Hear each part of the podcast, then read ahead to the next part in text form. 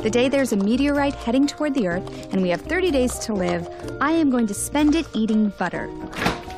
Here's my final word on the subject You can never have too much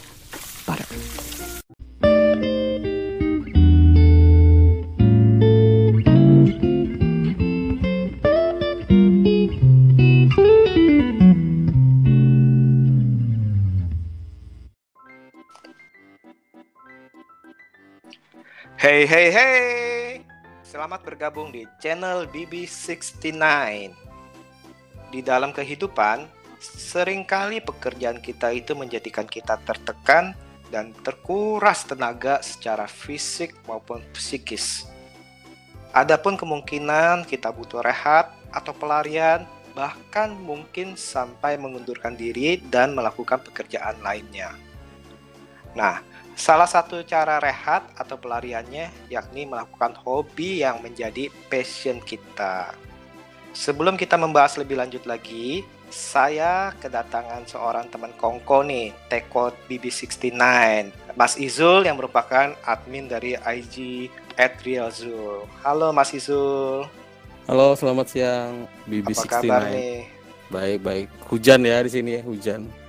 Oh, di tempat tempat Mas hujan ya? Di saya Hujan. enggak nih kebetulan nih. Di saya justru panas. Gimana kabarnya? Kabarnya? Alhamdulillah sehat. Kalau Mas sendiri gimana? Wah, puji Tuhan nih sehat nih. Ini uh, besok udah mulai banyak yang berkegiatan seperti sehari-hari nih ya. Eh, menjelang gelombang kedua mungkin ya, semoga enggak sih. Ya kita berharap sih semoga nggak nggak terjadi gelombang kedua ya. Nah ha, pada hari ini nih kita mau uh, ngobrol-ngobrol nih mengenai satu film nih yang disutradari dan ditulis oleh almarhum uh, Nora Ephron ya. Ya, Nora Ephron. film ini berdasarkan dua sumber nih. Yang sumber pertama kan yang dari buku autobiografi uh, dari Julia Child itu yang berjudul My Life in France dan si Alex Proudhon ya. Dan sedangkan sumber yang Yeah. keduanya merupakan memoir yang berjudul Julie and Julia uh, 365 Days 524 Recipes uh, One Yeah. Tiny Apartment Kitchen yang kemudian nggak judulnya ternyata diganti menjadi Julie and Julia My Year of Cooking Dangerously yang ditulis Iya, oleh benar. Julie Powell. Nah, judulnya sendiri Julie and Julia. Ya, Udah nonton, Mas? udah hampir kayaknya lima kalian kan. Dari jadi dulu pertama kan waktu rilis sekitar 2009 sebelum masuk Golden Globe Oscar itu aku udah ngincer nih karena posternya unik kan ada dua telur itu ya Hmm. Heeh, kan ada dua vers- versi yang ada wajahnya Meryl Streep sama Adam Hmm. sama yang versi telur dua Betul, yang yang simple. Mm-mm. kebetulan saya emang idola saya Meryl Streep terus ya saya coba saksiin ternyata menarik Kisahnya sendiri gimana tuh? Boleh ceritain nggak untuk film ini? Kurang kalau kisahnya sendiri kan ada perpindahan dua tokoh dari satu tempat ke tempat lain Julia Child itu kan ikut suaminya Paul Child ke Perancis dari adegan pertama terus yang si di ta- itu di ta- kejadiannya di tahun di Pak di tahun 1949 di Paris Hmm. Kemudian beralih di masa modern si Julia Powell yang administrator pasca insidennya 9/11. September ya 9/11 yang terrorist attacks eh, 11 September heeh.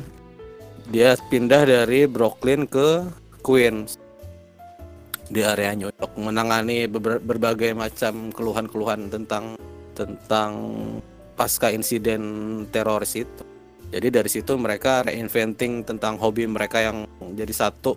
Dari situ mulai cerita bergulir tentang proses mereka bagaimana mengaktualisasikan diri lewat masakan sih. Jadi di sini ini apa eh, yang bagusnya itu adalah proses pergantian eh, cerita itu karena ini menceritakan dua sosok karakter yang merupakan terpisah oleh zaman ya sebenarnya yang satu dari tahun Iya, era yang berbeda tapi 1949, dihubungkan satu buku. oleh dihubungkan satu buku dan yang bagusnya itu dapat dicampur menjadi satu film yang bagus tuh ini mengingatkan di Godfather 2 ya. Nah, itu berjalannya itu kan satu jadi satu film tapi dua cerita tuh. Ya. Oh gitu. Yang per- Saya sendiri kurang ngikutin namanya filmnya Fr- Francis Ford Coppola yang The Godfather itu. Jadi agak terlalu nggak tahu sih emang. Nah ini kan yang yang menarik ini film ini men- mengenai yang satu itu tentang uh, kehidupan si Julia Child-nya, sedangkan satu ini tentang orang yang menjadi penggemarnya lah ya, uh, yang memasak Iya, penggemar berat. si Julie ini, ya. Penggemar Julie fanatik Powell. malah sekarang, Mm-mm, Julie Powell-nya. Nah yang menarik dari film ini menurut Mas apa nih? Saya menarik dari apa usaha adaptasi dari dua tokoh yang berbeda ini kan dua pasangan nih, masing-masing nggak punya anak. Terus Hmm. mereka bagaimana sih mengaktualisasikan diri? Yang satu kan udah berumur hampir 50 ya Julia Child waktu itu kan. Hmm. Ketika dia mau bikin buku The Mastering of French Cooking yang istilahnya buat panduan dia buat masak kuliner Prancis tapi panduan buat orang-orang Amerika. Hmm, Ibu-ibu rumah tangga Amerika. Heeh. Karena kan setiap dia cari buku resep segala apa pun semua dalam bahasa Perancis. Hmm. Bahkan dari kado ulang tahun dia pun Suaminya. suaminya, ngasih buku gastronomi bahasa Perancis yang tebel banget itu. Nah, jadi ketika di sedangkan di tokoh satunya di Julia Powell dia setelah di membandingkan hidupnya sama teman-teman yang sudah sukses, yang agak-agak senob dan sombong dan karir Betul. masing kemudian Julie Powell justru jadikan olok-olok Hmm. dari situ mungkin berangkat ide tentang bagaimana sih mengaktualisasikan diri sambil dia mencoba menyelami kehidupan idolanya sendiri si Julia Child Hmm. ya jadi mencoba saat dalam satu tahun dia mencoba berbagai resep masakan yang ada di buku The Mastering uh, French, as French Cooking itu uniknya di situ karakter dan pendalaman dari ini. Julia Child sendiri yang diperankan sama Trip ya. Dari logat tinggi badan sampai lo sampai dia cara dia masak yang agak-agak komedi. Menurut saya itu yang jadi nilai plus. Kalau Amy Adams sendiri tokohnya terlihat lebih membumi seperti manusia kebanyakan sih. Kalau menurut Mas sendiri gimana? Saya sih setuju nih, karena dalam arti yang bisa kita per- perhatikan adalah kedua tokoh ini ternyata itu relate satu sama lain. Seperti tadi itu aktuali uh, aktualisasi diri sendiri kan? Di mana waktu bisa kita ambil Julia Child itu waktu dia pengen pengen belajar memasak itu ternyata itu kan uh, dibilang pada waktu masa itu dianggap bahwa ibu-ibu rumah tangga itu ya belajar masak itu ya di kelas dasar aja karena ya buat masak di dapur rumah tangga sedangkan kalau untuk yang advance itu biasanya untuk chef pria yang di mana dianggap serius ya kan? Nah sama kembali ke yang si karakter Julie di mana kita lihat tiga temannya itu lebih sukses lah misalnya sukses banget lah dalam arti sampai sampai teleponnya berkali-kali kan lagi bertemu kan.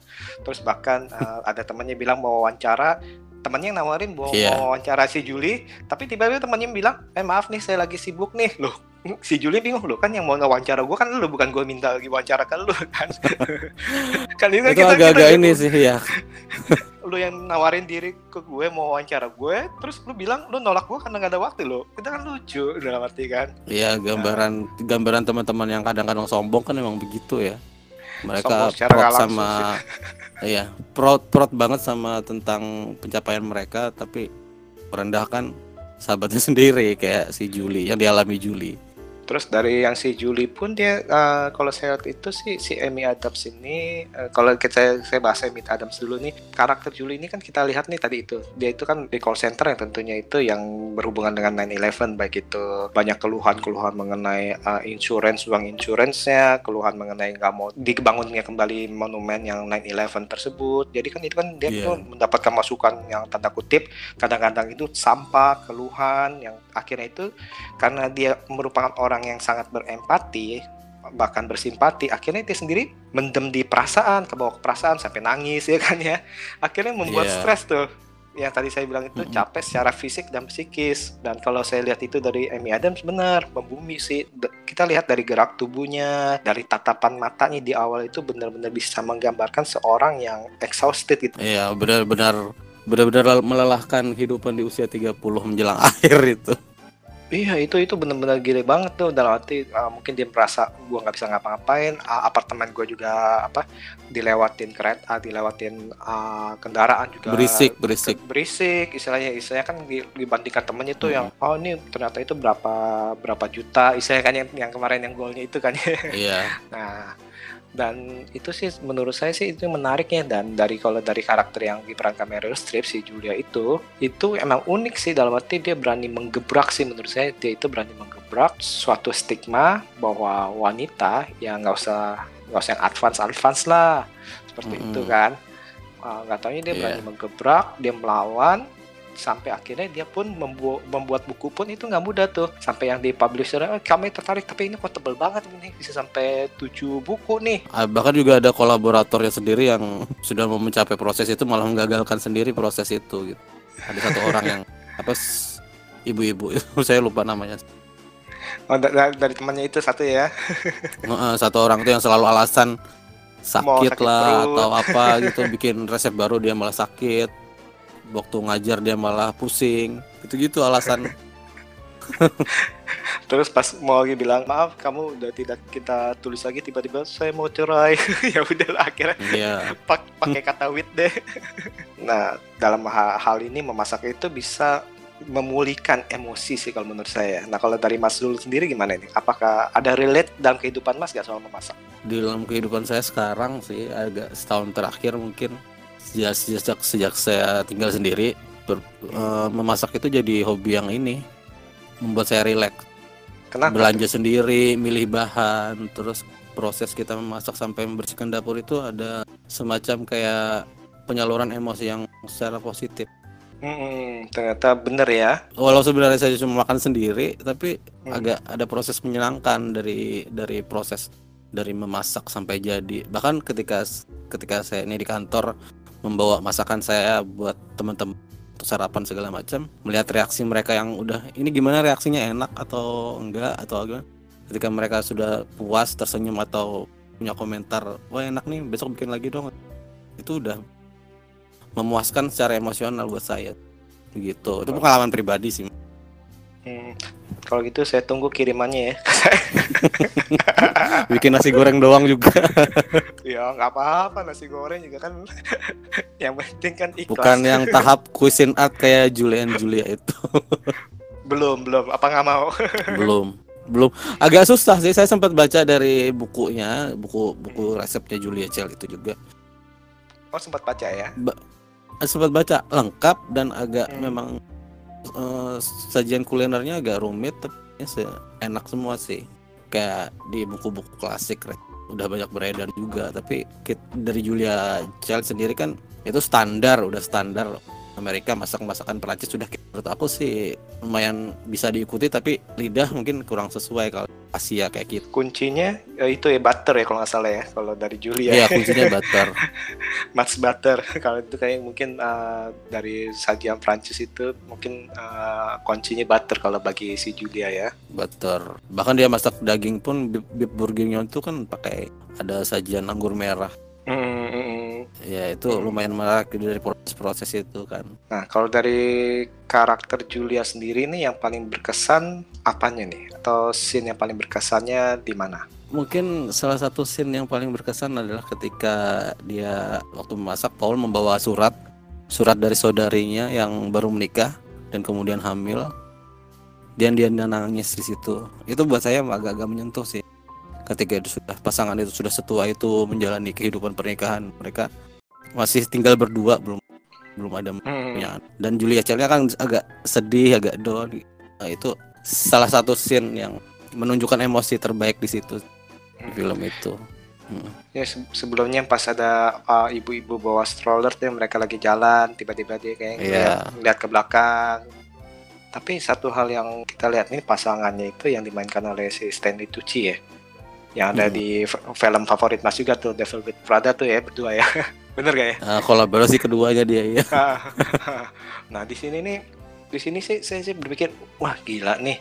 Dalam arti dengan usia setua gitu berdua nih istilahnya ya setua gitu. Terus uh, dipamerkan keromantisannya loh tanpa tanpa malu-malu istilahnya. Mereka kan uh, dilihat Iya. itu masih dilihat perlihatkan romantis. Nah kalau saya bagi saya sih lihat itu itu sesuatu yang indah dalam arti. Karena di Mm-mm. usia segitu bisa nggak kita tetap romantis dengan pasangan kita nih seperti ini nih seperti mereka nih? Kalau saya itu yang paling justru nempel ke saya itu yang potong bawang sih yang setelah dia diremehkan ya terlalu kompetitif kata suaminya Do you think you little competitive, Julie? Kayak gitulah. itu satu satu scene yang menurut saya lucu tapi itu menok Itu gitu. cukup nampar, Oh, cukup nampar sih. dalam arti lu lu ngeremehin gue nih. Ya udah gue buktiin nih. entah itu dia nangis karena bawangnya, entah itu dia nangis karena perasaan yang diremehkan kan. Sampai si Mhm. suaminya pun masuk juga udah nggak tahan tuh matanya berair-air. Dan akhirnya setelah itu eh, setelah itu keesokan harinya potong itu ngadu cepet tuh. Ada abis itu yang ngaduk whipped cream. Whipped cream betul. Ya, banyak. Jadi mungkin karena pandangannya di administratornya kan sendiri yang di Le Cordon Bleu tuh cewek Hmm. kan yang meremehkan Betul. Julie sendiri kalau kamu nggak bisa nih bikin buku ini, kamu nggak bisa nih belajar ini karena kamu cuma ibu rumah tangga. Bahkan nggak boleh ngetes. Bahkan dia nggak boleh ikut tes. Terus kemudian dia mencoba membuktikan Padahal sebenarnya kan yang menganggap kompetitor itu sendiri kan cewek itu yang dari administrator sama para peserta yang kebanyakan pria Hmm, itu sih karena dia kan jadi jadi satu-satunya perempuan yang belajar di situ betul. sementara dari kepala chefnya sendiri yang ahli yang agak mendukung tentang bagaimana si Julia Child-nya sendiri mengambil pendidikan itu di restoran itu Ini sih bisa dibilang sih emansipasi juga ya. Salah, Iya, salah- kan, satu gambaran uh, emansipasi. ya pem- pemuatan pesan feminis dari film ini sih emang khasnya Nora Ephron sih ya dari beberapa film yang lalu juga kayak gitu bahwa wanita tuh harus bertindak atas kemauan dan tekad mereka sendiri gitu. Iya keren sih ini film nih ya. Si Meryl Streep kan nggak usah nggak usah diragukan lah ya. Dia itu bermain Iya. itu benar-benar kita melihat dia itu bukan Mer- sebagai Meryl Streep, tapi kita melihat dia itu sebagai jo- uh, sosok Julia ya. Iya Ju. Nah, sedangkan tadi itu ka- kalau karakter Julie yang paling berkesan apa nih? Karakter si Julie Powell ini yang paling berkesan mungkin waktu dia di ending kali ya. Walau sudah menemui kegagalan dan bahkan dari siapa dari sisi Julia Child yang mengetahui kalau ada ada fans berat yang mengikuti resepnya sendiri, dia kurang suka dan sempat bikin Julie Powell down. Kemudian Hmm. terakhir dia merayakan di atas rooftop dengan dengan dengan sahabat-sahabat mereka itu adegan yang paling bagus sih dari semua itu. Betul, Sama yang betul. kedua yang dia naruh apa butter di di eksibisinya Julie Julia Child sendiri. yang terakhir itu ya. Heeh. Kalau dari yang untuk sebelum-sebelumnya sih skin-skinnya mungkin transformasinya halus dan cukup memorable tapi tidak terlalu yang wow gitu. Yang terakhir, oke. Kalau Mas sendiri gimana? Untuk Julie Powell ya. Sebelumnya saya mau komentari dulu bener sih maksudnya. Kalau saya lihat itu kita sebenarnya awal-awal tuh kalau kita benar-benar nggak nggak belum ngebaca sama sekali nih, kita ini awal-awal akan mengira wah suatu saat pasti ini di akhirnya bakalan ketemu nih ngerti ya? Bakalan ketemu bakalan dipuji lah istilahnya segala macem kan. Iya, Ter- ternyata. ternyata tidak disukai istilahnya tanda kutip ya.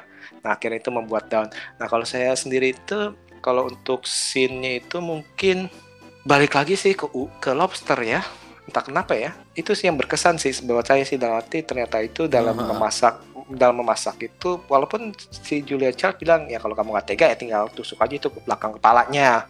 Tinggal istilahnya cara cara cara membunuh dengan dengan baik istilahnya kan gitu kan ya. Lalu either yang masukin aja ke panci panas lalu kalau mau itu ya tinggal uh, tusuk belakang kepalanya Nah, terus nggak tahu itu yang pasti masukin itu kan ada suara-suara tanda kutip lobsternya ya istilahnya kan ya ya masih hidup kan. masih hidup kayak seolah-olah berteriak-teriak dan akhirnya itu membuat trauma atau gimana nah itu sih kalau saya lihat itu juga apa perubahan saya sangat sangat senang itu perubahan dari karakter Julie ini benar-benar kelihatan nih. Dari pancaran matanya nih dari pancaran matanya gerak tubuhnya itu Amy Adams sih menurut saya entah kenapa itu saya suka nih. Pas awal itu pancaran mata itu kan seperti orang depresi saya stres lah kita ngomongnya bukan depresi maaf. Orang yang stres tertekan. Tapi hari demi hari itu dia jalanin itu. Justru kalau kita kalau saya pribadi melihat ya melihat pancaran mata gerak tubuh itu kelihatan tuh perubahannya tuh. Dan itu saya suka tuh. Walaupun ada saat-saat digambarkan dia gagal harus berapa kali gagal bahkan eh, yang paling gampang itu merebus telur dengan baik. Ya kan? Itu, itu Iya. berapa kali tuh Perlu gagal, tiga orang. Iya tiga orang mencoba kan.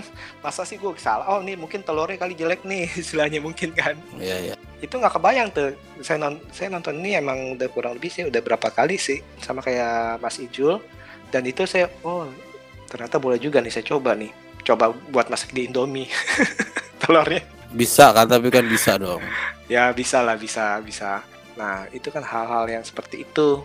Nah terus dari karakter Julie ini yang yang saya suka adalah yang di saat sang suami bilang "Eh, kita buat blog terus habis itu mereka berdua berinisiatif menaruh sebuah target selama eh, satu tahun nah itu kan berarti kan berbicara mengenai ada kalanya itu suatu target dibutuhkan di dalam hidup ya Iya bener. untuk memacu walaupun awal-awal si Julie bilang aduh tapi gue ini orang ini nggak pernah Konsisten. ah benar nggak konsisten nggak pernah menyelesaikan sesuatu bahkan ibunya pun bilang lu nggak pernah nyelesain sesuatu nih lu bisa gak sih nyelesain apa kek gitu. Karena dia kan katanya penulis kan dulu kan. dia akhirnya dibuatkan oleh suaminya sebuah sebuah blog nih nah lu ya udah coba aja buat buat blog sesuai dengan hobi lu jadi lu targetin biar lu ada kons- eh, konsentrasi konsistensi yang membuat mungkin hidup hidup lu akan menjadi ritmenya menjadi lebih baik dan ternyata itu terbukti sih nah kalau menurut mas mempunyai target itu gimana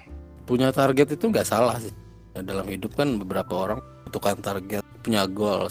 Dan sementara beberapa orang memang terlahir tidak ambisius. Hmm. Menurut saya sih mungkin karena Julie Powell yang diperankan Amy Adam ini sudah merasakan kebuntuan dalam perpindahan Queen beberapa keluhan-keluhan terus mampir di kepalanya dan kemudian dia dibandingkan sama sahabat-sahabat yang yang jelas-jelas meremehkan dia ya akhirnya dia punya ya udah nih kita perlu target buat pencapaian sesuatu yang berarti dalam hidup. Menurut saya itu perlu sih satu satu siklus kehidupan setiap kalau saya mungkin nggak terlalu yang itu sih. Tapi ada beberapa target yang harus di dicapai dalam setahun tapi nggak terlalu yang ambisius. Kalau itu kan dari Julia itu kan harus ada konsistensi dia satu tahun 524 resep Hmm. apartemennya kecil begitu terus yang dimasak Hmm. banyak besar. Aksi dari blogger dari pembacanya sendiri nggak terlalu antusias termasuk ibunya bahkan ya. Jelas-jelas Hmm. jelas-jelas sih kontra dengan kamu tuh nggak bisa. Kan sering banget manusia dihadapkan dalam situasi yang kayak gitu. Bahkan bosnya itu sendiri sih. ya. Eh, menyuruh agak calm down dan ketika blog itu mulai populer dan dia sudah mulai diwawancara surat kabar menurut saya sih agak bagus untuk diterapkan kalau kita mendapati proses hidup itu sudah mulai menjemukan ya. Itu ibaratnya resolusi tiap akhir tahun ya. Tapi mungkin ada beberapa orang yang dalam satu siklus kehidupannya dia punya satu momen yang paling penting. Mungkin bagi Julia Child ya da- dalam hidupnya dia ini. Pindah ke Paris kalau bagi Julia Powell Julie Powell sendiri menerbitkan buku beresep itu sih. Banyak Hmm. sih pesan-pesannya feminis positif dan bagaimana sih survive dua pasangan Hmm, yang tanpa Menyenangkan. anak ya iya menyenangkan Nah, kalau untuk hobi sebagai pekerjaan atau pekerjaan sebagai hobi, apakah setuju bahwa pekerjaan yang merupakan eh, yang di bidang yang kita hobikan itu pasti menyenangkan?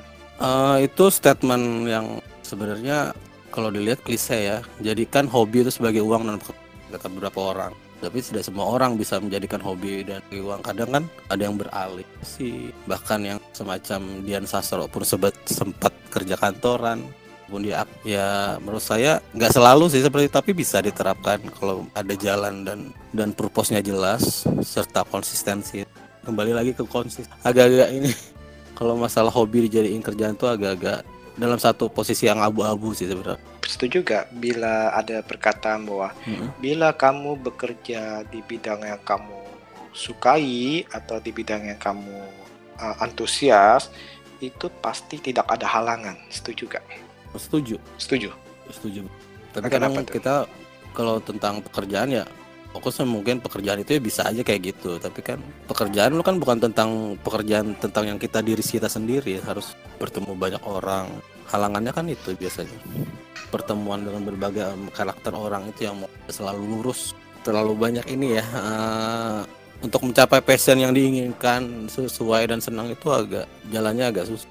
Untuk beberapa orang beberapa orang yang lain ya ada yang mudah sih dan itu kita lihat banyak tapi uh, otomatis walaupun itu kita merupakan satu hobi atau satu passion bukan bukan berarti bahwa masalah itu nggak ada. Cuma mungkin kita Iya.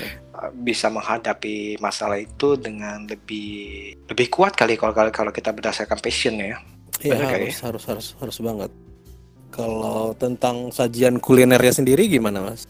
Nah, ini tadi baru saya mau ngomong nih. Kalau sajian kuliner itu, uh, sajian kuliner itu sebenarnya itu tidak terlepas dari musik yang diusung oleh Alexander Desplat juga ya, maksudnya dalam arti. Mm-mm, Jadi itu iya. benar-benar kita melihat latar sinematografi nih yang di Stephen Goldbart uh, sama musiknya, terus uh, adegan dari makanannya itu benar-benar kalau saya pribadi itu membuat lapar sih karena istilahnya saya sangat sangat suka sekali itu background musik itu yang benar-benar kayak Prancis banget ya dalam arti ya musik Iya. musik musik Alexander kayak lounge. Prancis nah itu saya sangat suka sekali sih karena kalau saya dengar dengar musik seperti itu memang uh, salah satu kesukaan saya sih apalagi dengan sajian-sajian mak- makanannya dalam arti yang tanda kutip terlihat sangat-sangat berkelas dalam arti ya Iya. bener-bener ala-ala restoran lah ya yang di mana walaupun itu disajikan bikin di rumah nah itu tapi di, diperlihatkannya wow gitu bahkan hanya telur rebus aja nih ngerti gak hanya telur rebus Iya ngerti aja ngerti. telur rebus aja dimasak terus si si Amy Adamsnya nyicipin itu Hmm. saya sampai berpikir buset segitu enaknya kak maksudnya ngerti gak gue sendiri sampai berpikir Iya iya iya. gue sendiri sampai berpikir apa selama ini gue Ah. salah gitu ya nah, nanti Nah, ternyata gue sampai nelen dulu nih barusan nih. Gue ternyata beneran gue gue sambil ngomong itu sambil ngebayangin sambil nelen dulu nih dan itu itu hanya hanya simple loh hanya telur rebus aja yang diceplok uh, dimasukin ke air belum terus diangkat dimakan dia bilang itu sangat creamy segala macem. Gue sampai bingung apa lidah gue yang salah apa cara gue yang salah kok hanya telur aja bisa kayak gitu tuh? Itu bayangin tuh itu baru satu satu shoot telur rebus yang bener-bener sederhana banget tuh. Ngerti gak belum lagi yang lain-lain ngerti, gak usah gak usah dipikirin deh tuh yang lain-lain mah udah bikin ngiler banyak butternya banyak apanya itu kan banyak banyak. Apal- karena gue sendiri itu emang seneng lihat siaran-siaran Kuliner. televisi kuliner kayak ARC boleh boleh program-program kita bisa boleh sebut Iya, ya, kayak seperti itu Lumayan banyak. Ah, Hmm, itu sih gue sangat sangat sangat suka sih Hmm. seperti itu kalau Mas Zul sendiri gimana? Aku itu waktu nonton itu emang ngiler lihat dia apa sih goreng goreng roti si Julie Powellnya. Hmm, Apa, yang pertama yang terus. kasih ke roti yang kasih ke suami itu yang pertama tuh ya. Ya roti terus dia bikin kue coklat. Terus eh, yang poached egg itu termasuk ya telur rebus gaya sederhana tapi agak rumit. Kayak dia bikin apa sih ayam dan spaghetti itu aduh Oh, yang terakhir daging daging daging beef bourguignon itu wow, agak Hmm. waktu dia ketika ada editor yang mencoba salah satu resep itu kemudian dia Hmm, hmm. dituangkan wine terus sampai memercik ke atas Wah, Ke, eh, ke kertasnya, ini. betul. Ke Iya, kertasnya gitu. banget. adegan-adegan yang begitu sih emang semua tapi gimana gitu ngeliatnya Nah pas yang adegan itu tuh kok entah kenapa kok terasa gue ikut nyium gitu ya terus ya itulah kehebatan film ini ya bener bener nanti terhipnotis gitu kan yang cus. Terus habis itu kan kayak muncul-muncul terus habis itu uh, kertas kertas yang ketikan itu ada titik-titik uh, cipratan gitu kok kayak kecium gitu. Mungkin empat dimensi kali filmnya. Itu magnetnya dari film itu. Karena ke kelihayan dari Nora Ephron sendiri kan Nora Ephron ini kan kritikus makanan. Dia juga sempat berkecimpung dia juga menyebutkan segala macam punya peran ketika menghidupkan beberapa adegan yang melibatkan sajian kuliner cheese Amerika perannya sama kayaknya pakai kalau nggak salah pakai ini chef profesional sama konsultan kuliner Oh, dalam pembuatannya ya Aku pernah lihat beberapa interview dia sih tentang ketertarikan dia di dunia kuliner kan emang begitu. Bahkan dalam setiap filmnya selalu ada adegan khas bikin masakan buat siapa gitu. Pasti udah dari Nora Oh, ya? Ephron-nya.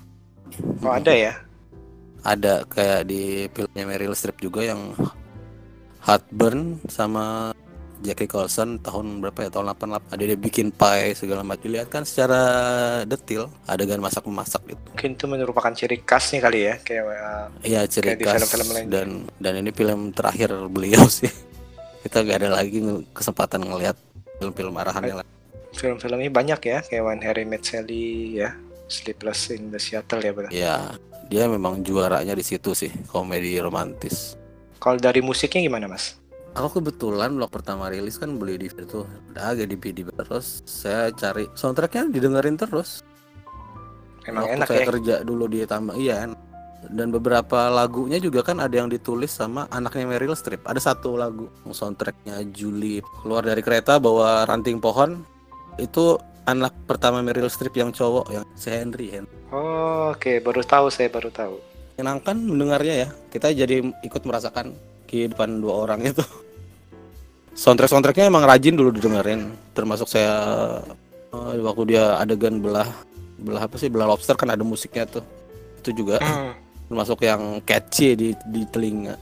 Ya, keren sih sebenarnya itu bisa didengarkan kapan aja ya waktu santai untuk Iya. biar biar pikiran nggak mumet sih sebenarnya ya Eh, ya menyenangkan sih agak relaksasi musik. Seberapa rekomendasi film ini Mas rekomendasikan kepada teman-teman Sangat merekomendasikan buat yang belum nonton yang tahu kehidupan bagaimana orang bisa bertransformasi, punya resolusi, punya target, membalik mengembalikan lagi passion hidupnya itu. Film ini sangat rekomen. Sangat rekomen ya apalagi yang suka masakan ya yang suka lihat Iya. nggak usah suka masak ya suka ngelihat makanan Mm-mm, benar suka benar. makan ini bener-bener rekomen deh. Dan nanti bener-bener bikin ngiler lah kalau kita nonton tuh. Tadi saya saya nerangin aja soal telur aja bisa nelen ludah. Iya, Jadi ini eh, film ini benar-benar menurut saya ini mempunyai suatu pesan yang cukup dalam nih untuk kita agar tidak menyerah bila kita ingin menghadapi perubahan atau misalkan kalau kita ingin mencapai sesuatu namun eh, ada halangan baik itu dari stigma-stigma yang sudah ada tapi kita yang kita lakukan Hmm. adalah benar jangan ragu untuk tetap mencoba. Terus kadang-kadang itu kita untuk melompat dari perubahan pekerjaan, transformasi daripada suatu pekerjaan yang kita mungkin sebenarnya udah gak nyaman, itu kan kita agak takut tuh ya. Nah, itu Iya, mungkin benar. ada beberapa itu memang kalau kita memang benar-benar udah exhausted dan benar-benar udah capek sekali secara pikiran maupun fisik, ya mungkin ya emang nggak nggak ada salah juga sih untuk mereview kembali nih apa sih sebenarnya yang kita udah kerjakan selama ini dan apa Hmm. kemungkinan ke depannya seperti apa seperti itu. Oke, terima kasih Mas Izo untuk jadi teko hari ini nih teman kongko nih. Nah kalau mau lihat review-review Mas Izul nih yang keren-keren nih, apalagi gambar-gambarnya yang bagus-bagus nih, wow. Kalau mau lihat? IG saya di @realjul kayak Mas Setiawan tadi bilang banyak poster dan quote-quote yang bisa dilihat tuh. Kalau bisa di like, di follow sih. Wah, itu nggak pokoknya nggak rugi itu itu rajin sekali nih Mas Izul nih dan istilahnya boleh jujur nih kalau saya salah satu untuk mencuci mata istilahnya itu ya dengan ngelihat postingan Mas Izul nih karena benar-benar berkelas bagi saya Alhamdulillah, Keren. thank you loh atas komplimen.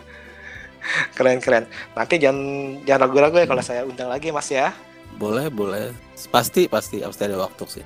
Terima kasih nih untuk Mas Isul dan terima kasih untuk teman-teman yang sudah mendengarkan. Jangan lupa like dan follow dari podcast BB69 dan juga IG at babybuntel69.